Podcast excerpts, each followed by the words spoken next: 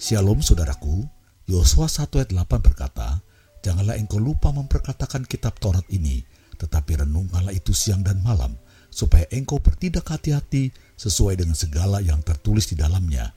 Sebab dengan demikian, perjalananmu akan berhasil dan engkau akan beruntung. Saudaraku, perkenanan Tuhan datang kepada mereka yang suka merenungkan firman Tuhan siang dan malam. Oleh karena itu, Mari kita siapkan hati untuk kembali mendengarkan renungan firman-Nya. Tuhan Yesus memberkati. Renungan pagi hari ini kita akan belajar kebenaran firman Tuhan tentang kekuatan dari Tuhan. Saudara kita percaya dan kita mengakui bahwa kalau kita berhasil, sukses, bebas dari masalah, bisa melewati berbagai kesengsaraan, itu semua karena kekuatan dari Tuhan, bukan?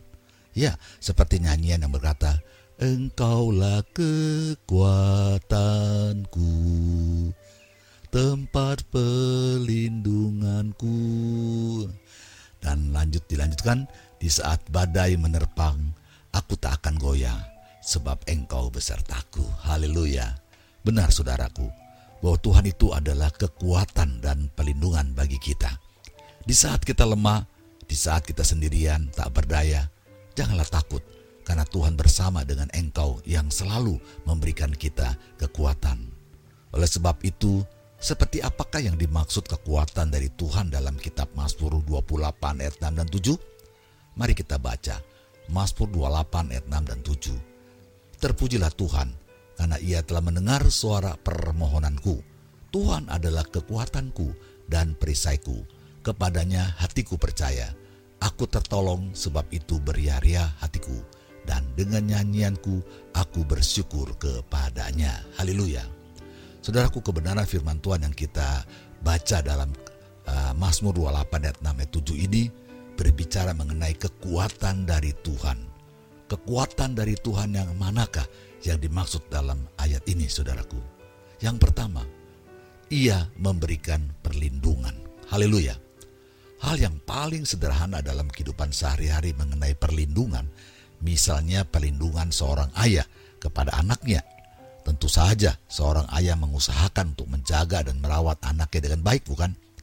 Namun karena orang tua kita adalah manusia biasa, pasti memiliki keterbatasan untuk menjaga kita setiap waktu atau setiap saat. Namun saudaraku, perlindungan dari Tuhan itu tidak terbatas.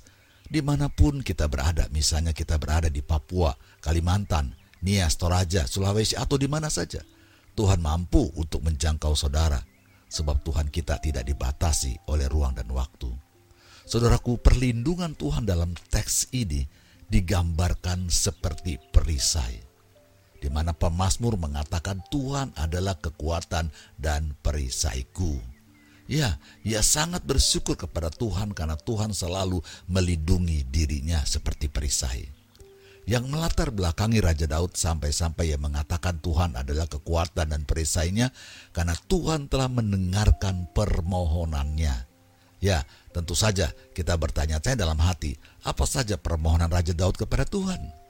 Saudaraku, yang menjadi permohonan Raja Daud kepada Tuhan dalam teks ini yaitu supaya ia tidak diseret bersama-sama dengan orang fasik, orang jahat, dan orang-orang yang berpura-pura baik atau istilahnya memakai topeng. Namun karena kasih Tuhan dalam kehidupan Raja Daud, Tuhan selalu melindungi Raja Daud dari orang-orang fasik atau musuh-musuhnya. Karena Tuhan adalah kekuatan baginya sehingga ia terlindungi dari serangan orang-orang jahat yang ingin mencelakakan dirinya. Sebab Tuhan selalu melindunginya, menjaga, menyertai kehidupan Raja Daud. Demikian juga dengan kehidupan kita saat ini kita bisa ada saat ini karena anugerah dari Tuhan. Karena Tuhan selalu melindungi diri kita. Tetapi bagaimana di saat Tuhan mengizinkan suatu masalah dalam kehidupan kita misalnya orang yang kita kasih meninggalkan kita. Saat kita tidak mendapat pekerjaan, saat seseorang dipecat dari pekerjaan sehingga menganggur, atau Tuhan mengizinkan kita mengalami penyakit yang parah. Apakah kita tetap mengatakan Tuhan itu adalah perisaiku yang selalu melindungi saya? Atau sebaliknya kita mengatakan Tuhan itu tidak sayang kepada saya, Tuhan itu jahat.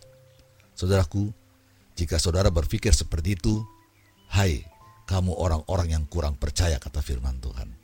Itulah yang kita akan dengar dari Tuhan. Mengapa kita hanya bersyukur kepada Tuhan di saat kita berhasil? Saat kita diberkati atau bebas dari marah bahaya? Kalau kita percaya Tuhan adalah kekuatan dan perisaiku, kita juga harus percaya akan kehendaknya, kedaulatannya, dan rencana-rencananya dalam hidup kita. Apa pun rencana Tuhan dalam hidup kita, ingat bahwa semuanya indah pada waktunya. Hal yang kedua dimaksud dengan kekuatannya selain ia adalah perlindungan, ia juga adalah memberi pertolongan. Di saat kita belajar dari kehidupan Daud, begitu banyak hal yang kita temukan pertolongan Tuhan dalam kehidupannya. Misalnya di saat Saul ingin membunuh dirinya, namun pertolongan Tuhan tidak pernah terlambat bagi Raja Daud. Ketika kita kembali memperhatikan teks ini, kekuatan yang dimaksud dalam teks ini bukan seperti kekuatan supernatural, misalnya kekuatan sihir, di mana seseorang bisa terbang, bisa menghilang, dan sebagainya. Namun kekuatan yang dimaksud dalam teks ini adalah membicarakan pribadi Allah sebagai kekuatannya ia mampu menghadapi musuh-musuhnya karena Tuhan bersama-sama dengan dirinya. Karena Tuhan selalu bersama-sama dengan dirinya dan Tuhan itu di pihaknya, maka di saat ia lemah dan tak kuat, Tuhan selalu ada baginya sehingga ia tertolong. Ya, Raja Daud percaya bahwa hanya Tuhan satu-satunya penolong dalam hidupnya. Ia percaya bahwa Tuhan adalah jawaban dalam hidupnya. Ia percaya bahwa Tuhan mampu memberikan solusi bagi dirinya sehingga hatinya hanya tertuju kepada Tuhan. Hatinya hanya selalu berharap kepada Tuhan. Di saat ia mengalami ujian iman, ia hanya datang kepada Tuhan. Demikian juga dengan kehidupan kita sebagai orang Kristen, bukan? Bukan yang kita datang kepada yang lain, melainkan hanya kepada Tuhan sebagai satu-satunya penolong dalam hidup kita. Sebab hanya Tuhan yang mampu menolong saudara. Haleluya. Amin. Mari kita berdoa.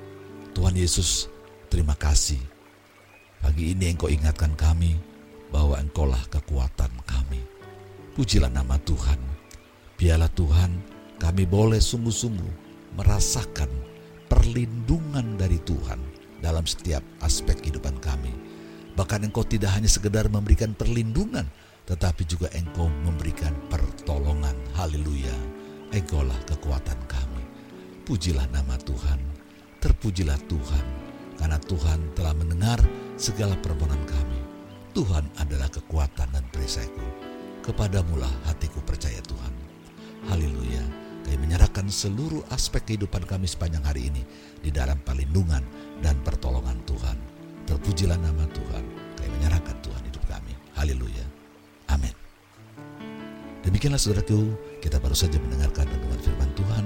Biar kiranya jika sudah diberkati, sudah bisa bagikan renungan ini kepada orang-orang yang sudah kasihi. Sampai jumpa esok hari. Tuhan Yesus memberkati. Shalom.